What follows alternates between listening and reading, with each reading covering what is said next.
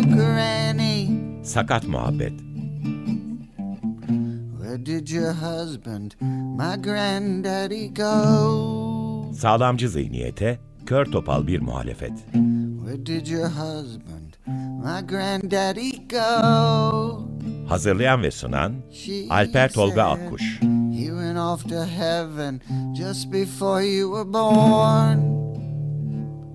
She said went off to heaven just before you were born. And she said, You are the light of my life and the beat of my heart. She said, You are the light of my life and the beat of my heart. She said, You are the light of my life and the beat of my heart. She said, You are the light of my life and the beat of my heart. Merhaba, Açık Radyo'ya, Sakat Muhabbet'e, Sağlamcı Zihniyet'in Kör Topal muhalefetine hoş geldiniz. Ben Elif Gamze Bozo. Ben Alper Tolga Akkuş. Bugün Bugün 10 Ocak 2024 2024 Çarşamba. Çarşamba. Evet biraz farklı bir giriş yaptık bu yıl Açık Radyo'ya. Geçen bölümün sonu demiştim bir sürprizimiz olacağını. Sürprizimiz de buydu. İki ay önce konuğumuz olmuştu Elif Gamze Bozo. Biz o günden beri görüşüyoruz, telefonlaşıyoruz. Yakında arkadaş olduk ve ben kendisine bir iki hafta önce bir teklifte bulundum. Elif dedim, gel dedim. Bu programda benim yoldaşım ol. O da sağ olsun kabul etti. Ve bugün itibarıyla Sakat Muhabbet artık iki kişi. Program jingle'ında ve program afişinde benim adım şimdilik olacak. Yeni yayın döneminde onları yenileyeceğiz. Çünkü bu kanunla ilgili bir şey. O konuda bilgi verelim dinleyenlere. Evet Elif nasıl bir şey Sakat Muhabbet'te? Konuk değil de programcı olarak gelmek nasıl bir duygu? Çok heyecanlıyım tabii ki. Çünkü radyo programı olarak bu benim ikinci deneyimim olacak. Biliyorsun daha önce televizyon yayıncılığım ve haber muhabirliğim olduğu için ufak da olsa bir deneyimlerim vardı ama radyo için bu ikinci deneyimim olacak. Tabii heyecanlıyım. Yeni yayın dönemi. 2024'ün ilk girişi. Bakalım nasıl bir şey çıkacak. Umarım dinleyenler de memnun kalır. Ya ben ondan çok eminim zaten. Hiçbir kuşkum yok. Bu arada Emine Öz destekçimiz bu hafta. Bunun da bir detayını vereyim istersen. Şimdi 10 Ocak dedik ama biz tabii kaydı önce alıyoruz. Bugün 3 Ocak çarşamba ve ben de sesimden dolayı biraz anlamıştır dinleyenler. Hastayım bu herhalde salgınla alakalı bir şey. Ben açık radyo sormayı unuttum destekçilerimiz kim diye hasta olduğum için ve yarım saat önce Nazlı Zaman buradan teşekkür ederim kendisine ismini söyleyerek mesaj attım. Nazlı Hanım dedim hastayım diye unuttum ben size yazmayı. Destekçilerimiz kim? Hemen ne yaptı ne etti buldu ve Emine Özür ismini bize iletti. Buradan Emine Hanım'a, Nazlı Hanım'a, üç kadın da yanımda var. Elif'in yanında Rosa Hanım var, kendi kişisel asistanı. Benim yanımda Hatice Hanım var. Benim kişisel asistanım diyebiliriz değil mi? Sen de bunu konuştuk. Evet, kişisel Hatice asistanlarımız. Güven ve Rosa Hanım'ın soyadı neydi? Soy ismim Rozgül Çöliyeva. Rosa Gül Çeliyeva konuklarımız. Bu hafta hem işte hoş geldin Elif Gamze ama bir yandan da hayatlarımızın en önemli kişileri diyebiliriz değil mi? Benim için Hatice Hanım öyle zaten. Senin için de Evet. Hatice Hanım öyledir. Kişisel asistanlık konuşacağız aslında. Önce izninle, sana dün dedim ben bunu Elif. Ben 30 bölümdür tek yapıyorum programı ve tek olmaya çok alıştım. Eğer çok konuşursam, sözü sana bırakmıyorsam araya gir, müdahale et, beni durdur. Mutlaka. Kaç bölüm sonra ben de alışırım bu düzene. Hatice Tamam. Gül benim tarafımdaki konuk. Kendisi her hafta evime gelip işte temizliktir, çamaşırdır, yemektir, içmektir onları hazırlayan bir arkadaşım. 8 yıl oldu mu Hatice sen gelin Tabii başlayalım. ki, tabii ki tam 8 yılımızı doldurduk. Şimdi Hatice Güven kimdir? Onu bir tanıyalım isterim. Hatice Güven 79 doğumlu, evli, iki çocuk annesi, iki torun anneannesi. Bir oğlum var, üniversiteyi yeni bitirdi. 17 seneden beri temizlik hayatına devam ediyorum. Evime katkıda bulunuyorum. Böyle. Benim hayatım kısacası bu. Şimdi Roza ablamı tanıyalım. Ben 79. yıl. Üç tane çocuğum var. İkisi evli. Bir tanesi küçük yani daha öğrenci okuldalar. Şeyi anlatabilir misin mesela memleketinde sen Türkiye'li değilsin. Bundan da bahsedebilirsin. Evet ben memleketimde değilim. Yani çocuklarım orada tek başınalar. Yani kendi şeylerini kendileri görüyorlar. Çocuklar nerede? Türkmenistan'dalar çocuklarım. Ben kendim burada Türkiye'deyim. Olmanın avantajlarını ve dezavantajlarını birazdan konuşacağız zaten. Çünkü yurt dışından gelen kişisel asistanlar yani bu işi yapan kişiler ne gibi zorluklarla karşılaşıyor bunları paylaşırsın. Değil mi Alper? Öyle de yapabiliriz. Evet, kişisel asistanlık senle de konuştuk zaten bir ön şey yapmıştık. Aslında Hatice Hanım, Hatice diyorum ben de burada hanım diyorum. Yoksa benim yakın arkadaşım artık gönül Tabii birliğimiz ki. var. İşte ailesiyle tanışıyorum, eşi çocukları, torunları.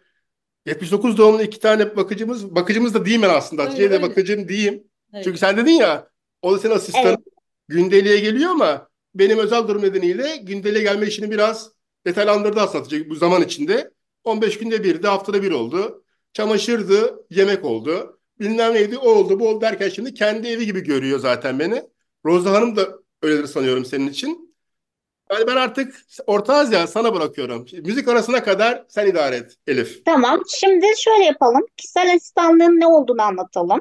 Çünkü kişisel asistanlık Türkiye'de de bilinen bir şey değil. Böyle daha halk diliyle bakıcı olarak tanımlanan ama bizim için biz bağımsız yaşam haklarını savunan kişiler, engelli bireyler, hak temelli mücadele veren engelli bireyler kişisel asistanlık olarak tanımlıyoruz. Kişisel asistanlık nedir? Ve bakıcı ile arasındaki farkı da anlatmak isterim.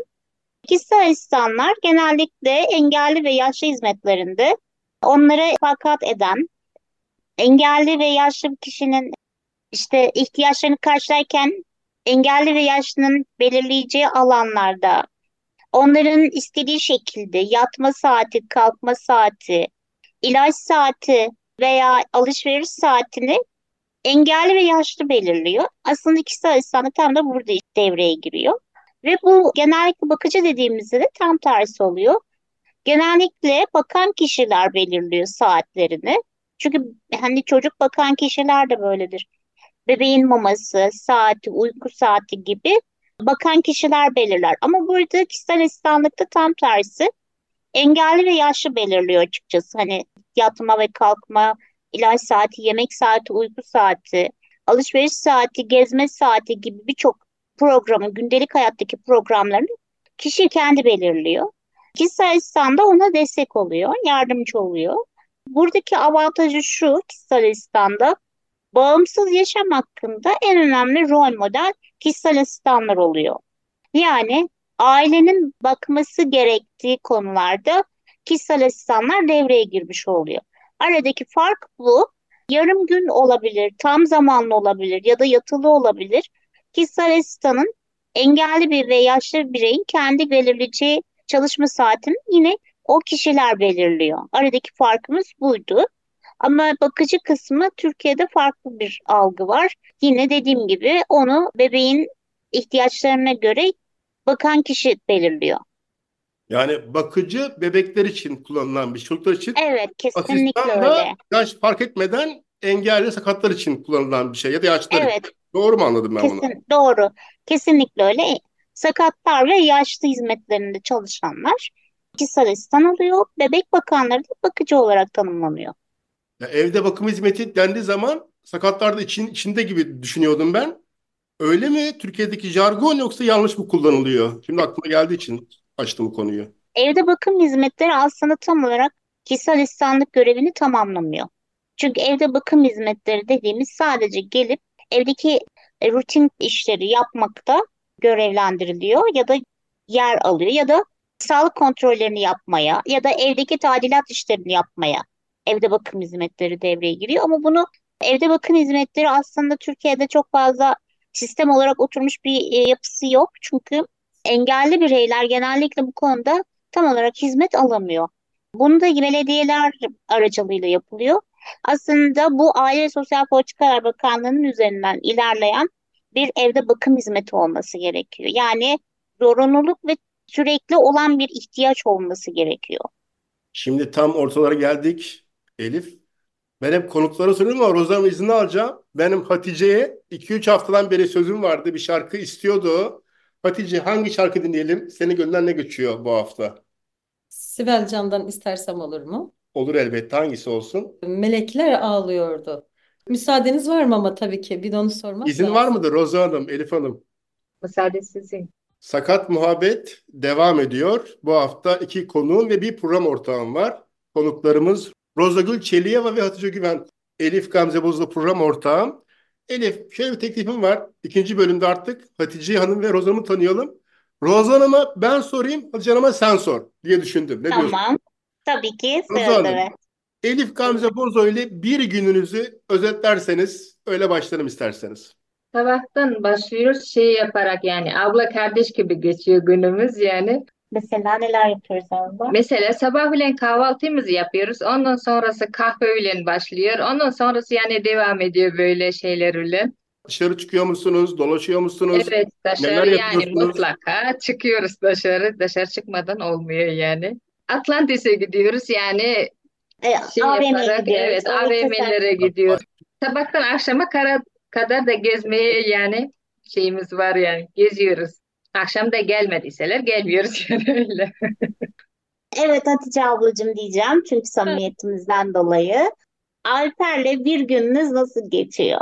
Elif bunu tanımlamak o kadar acayip bir şey ki. Şimdi bir gün önceden zaten beynimde bir hazırlık yapıyorum. Alper'in soracağı veya bana yapacağı mucizeleri kesinlikle bir beynimde dolaştırıyorum. Yani benim hayatım buraya geldiği gün çok değişiyor.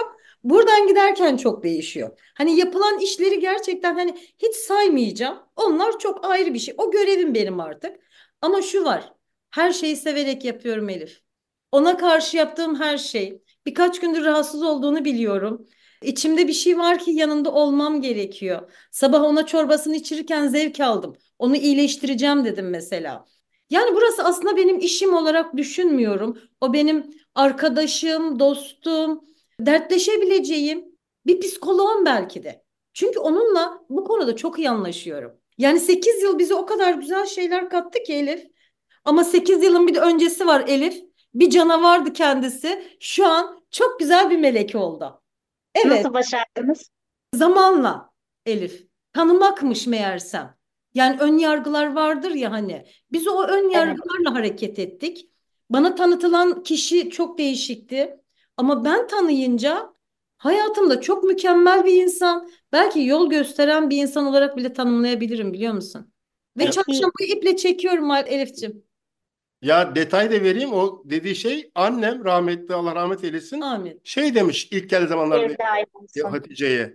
Hatice benim oğlum biraz deli doludur. Odasından hiçbir şey alıp sağdan sola koyma. Birdenbire sana parlayabilir, kızabilir. Benim de haberim bile yok bundan yani. Evet. Öyle biri de değilim. Ben de işte yabancı bir hanımefendi eve gelmiş diye hiç konuşmuyorum onunla rahatsız olur diye. O da işte benimle konuşmuyor. Demek ki psikolojik bir rahatsızlığım var diye düşünüp iyice İşte çekilmiş. bakın yine Ve- ön yargılar giriyor işin içine Alper'cim.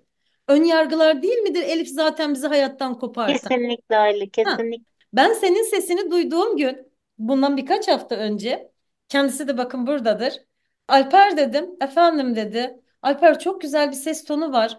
Beni kendisine çekti ve ben tanımak isterim dedim. Aa öyle mi dedi. Ve sen bununla bir program yapar mısın Alper ya dedim. Birkaç da program yap dedim. Bak çok güzel olacak. Evet evet İşte doğru. kendisi burada. Konu kal demişti. Ben abarttım Evet. biraz orta kaldım. Ee, evet, evet, evet ama çok güzel oldu. Yani bu benim hissiyatlarım Elif. Peki Hatice şimdi ben Efendim? sakat bir bireyim. Sen günde birçok eve gidiyorsun. Yıllarca da gittin. İlk geldiğin zaman benim sakat olduğumu fark ettiğin zaman sakat olduğum için yani bir tereddüt yaşadın mı? O günlerde ne hissediyordun? Çünkü bir dinleyenler için de aslında yapıyoruz programı. Onlara da bir aslında ışık olacak bu senin paylaşımların. Evet, aslında güzel bir yere değindin Alper. Şu vardı. Acaba onu incitecek bir kelime kullanabilir miyim? Hani buradan kalkar mısın? İşte şunu yapar mısın? Veya bunu neden buraya bıraktın? Bunun burada olmaması gerekiyor. Gibi kelimeler kullanacağımda kendime bir fren veriyordum. Hmm. Kırabilir miyim? Kırabilir miyim? Ve orada kendimi yerine katıyordum. Bu kelime bana söylenirse ya oradan kalkar mısın? Ben bunu halletmem gerekiyor mesela. Ha, kalkabiliyor mu? Rahat kalkabiliyor Tabii mu ki, falan da var. Tanımadığı için şeyi doğru. Hani Evet. ya şimdi onun ne gibi bir rahatsızlığının olduğunu. Belki benim gördüğümün haricinde farklı da bir e, rahatsızlığı vardır. Ve ondan sonra Tabii. daha dikkatli olmaya çalışıyorsun. Ve ben e, şunu yaşadım. Kendim onun yerine koymam lazım. Ona el olmam lazım. Ayak olmam lazım. Beyninden geçen şeyleri hayata geçirmem lazım. Bir yere çıktığımız zaman koluna hemen ben diyorum. Alper koluma girer misin? Ama onu incitmeden. Anlatabildim mi? Yani Anlıyorum. İçselleştirmişsiniz yaşamını evet, evet. şimdi Alper'in. Aynı soruyu Roza ablama da Evet, sormak evet. lazım. Evet ablacığım sen ne gibi etkiler hissettin? Bir sakatla yaşamak nasıl bir süreçti? Deneyimlerini paylaşırsan dinleyicilerimiz bizimle hani bu konuda da aydınlanmış olur. Yani benim bu yere gelip çalıştığıma bir buçuk sene oluyor. Yani ilk geldiğimde yani ben bu kız bilen şey yapıp çalışabilir miyim? Yani önceden korkarak geldim. Evet. Ben ilk başta gördüğümde yani bir iki günden sonra alıştım yani ben bunu dedim kendim yapacağım. Anne yani yok hayır dedi ben şey yapabilirim ben değiştireyim üzerlerini dedi. Yok ben yani bana güvenmiyor musunuz dedim ben yapayım dedim. Yani sonra bana bıraktılar her şeyi yani normal gidiyor yani öyle şey yaparak da yetişkinler gibi e, davranıyoruz yani birbirimize de. Yani ben ona sakat sen sakatsın diyerek yani hiç o göz bile de bakmadım. Bu arada Alper tabii dinleyiciler belki şu an farkında da değiller hani görmedikleri için tabii bizi. Ben can kemik hastası olduğum için ailemde tabii bir tedirginlik vardı kişisel asistanları ara bırakmak, buradaki yol haritasını nasıl belirleyeceğimiz konusunda bir korkuları vardı. Çünkü hani herhangi bir şeyde darbede veya ufak bir yanlış harekette hayatıma mal olabilir diye bir endişeler de vardı. Ama Roza ablam benimle hayatını o kadar içselleştirmişti ki tabii Roza ablam da söyleyecektir bunu tabii. O ilk zamanlarda hep büyük endişelerimiz vardı. Ama bu, biz bunu nasıl aştık abla? Onu da anlatabilir misin?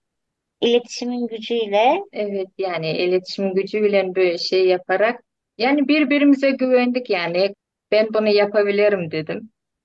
Yani yaptım da sonunda yani annem şey vermeye hiç şey yoktu. Yani ben yapacağım dedim. Her şeyini aldım elinden. Annem yok sen şey yapacak. Annem şimdi yalnız kaldı, boşta Evet kaldı. yani boşta sonra Annem hatta şey diyor şimdi ya ben çok sıkılıyorum demeye başladı bir süre sonra da. Siz her yeri geziyorsunuz, gidiyorsunuz iki bacı. Ben de şimdi sıkılıyorum diyor. Bazen arada annemi de götürüyoruz. Hadi anne sen de gel diye gezmelere falan. E, şimdi annem de diyor ki ben diyor geliyorum diyor yanınızda diyor öyle diyor oturuyorum diyor. Siz eğleniyorsunuz diyor. Ben sıkılıyorum diyor. Ay Şimdi şey, tam tersi oldu. evet. Şey aklıma geldi şimdi dinleyenler diyecektir. Ya bu Roza Hanım'ın çocukları da var. Tüm gün Elif Hanım'la beraber çocukları ne oluyor? Onlar nasıl bakıyor? Onlar nasıl iletişim kuruyor? İhtiyaçları da var. Siz buradasınız. O nasıl çözümleniyor acaba Roza Hanım? çocuklarım yani büyüdüler. İkisi evli yani. Yengeleri var yanında küçük çocuk oğlan çocuk. Yengesi bakıyor yani bir şekilde buradan para gönderiyorum onlara ihtiyaçları için. Yani onlar kendi şeyin kendileri çekiyorlar yani. Bana hiç de ihtiyacı yok diyorlar. Ya bunu sordum çünkü dinleyenlerde soru işareti kalmasın istiyorum. Şimdi biz ikimiz konuştuk Elif. İşte Hatice benim hayatımda, Roza senin hayatında var ama Türkiye'de durum ne? Hukukçu da olduğun için de- detayı biliyorsundur. Türkiye'de ihtiyaç çok kişisel asistanlara. Bu konuda yasal mevzuat ne ve ne olması gerekiyor diye son bir soru sormuş olayım sana programın sonunda. Aslında bu çok önemli bir konu. Bizim Engelli Kadın Derneği'nin de bununla ilgili bir projesi ve çalışması var. Kişisel asistanlık bağımsız yaşam hareketi nedir? Bunlarla ilgili neler yapılmalı? Biz daha önce Aile ve Sosyal Politikalar Bakanlığı'na bu projeyle ilgili bir rapor gönderdik.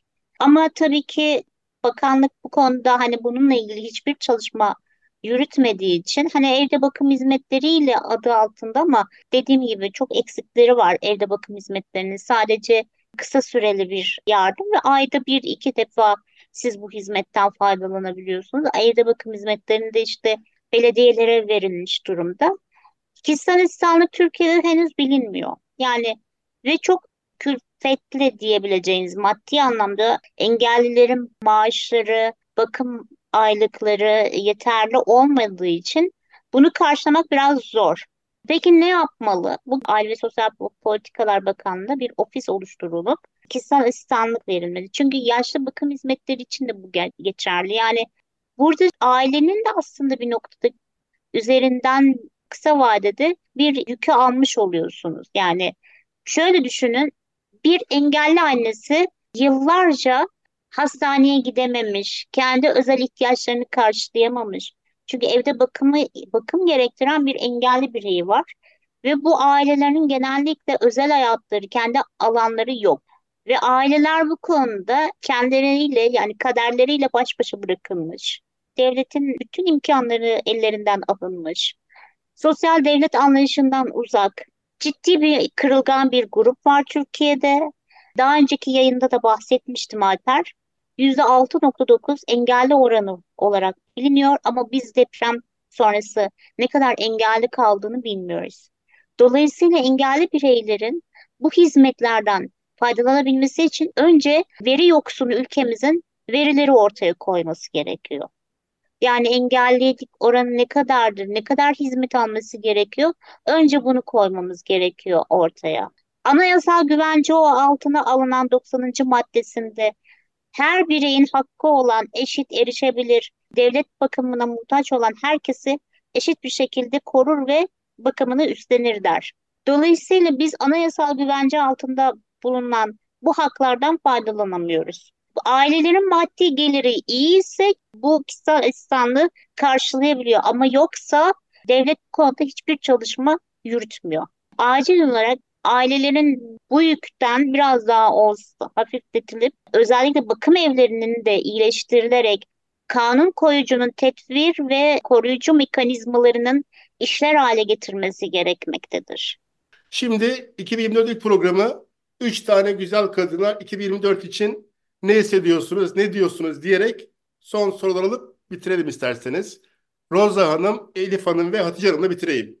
Roza Hanım ilk dilekleriniz Evet. nelerdir? 24'te yani sağlık olsun. Yani herkes aralıklı olsun da. Elif sen ne diyorsun Elif için? 7 yılda engelsiz bir hayat diliyorum her şeyden önemlisi. Erişebilir, adaletli, eşit haklara sahip, eşit yurttaşlık, eşit vatandaşlık, hiçbir engellinin arkada bırakılmadığı, sesimizin daha fazla duyulduğu bir gelecek için daha fazla engelli bireylerin siyasette temsiliyetlerinin arttırılması, her alanda engelli bireylerin varlığından söz edilmesi, ailelerin, engelli ailelerinin gözü arkada kalmayacağı bir dünya diliyorum. Ve Hatice ile son dilekleri alalım. Sevmek, sevilmek çok güzel bir şey. Ben sevilmeyi çok seven bir insanım. Sevdiklerim yanımda olsun, gerisi hepsi olur diye düşünüyorum. Sadece bu. Evet, çok özel bir bölümdü benim için. Benim dileğim sizin mutlu olmanız. Ben orada aradan Sen de mutlu olacaksın tabii. Çünkü bu hafta hem yeni ortağımla Elif Gamze Bozo'yu iki hanımefendi kişisel asistanlarımızı Rozan Hanım ve Hatice Hanım'ı konuk ettik. Bu arada Emine Öz destekçimizdi. Ona bir teşekkür. Evet. Herkese iyi yıllar diliyorum. İyi yıllar.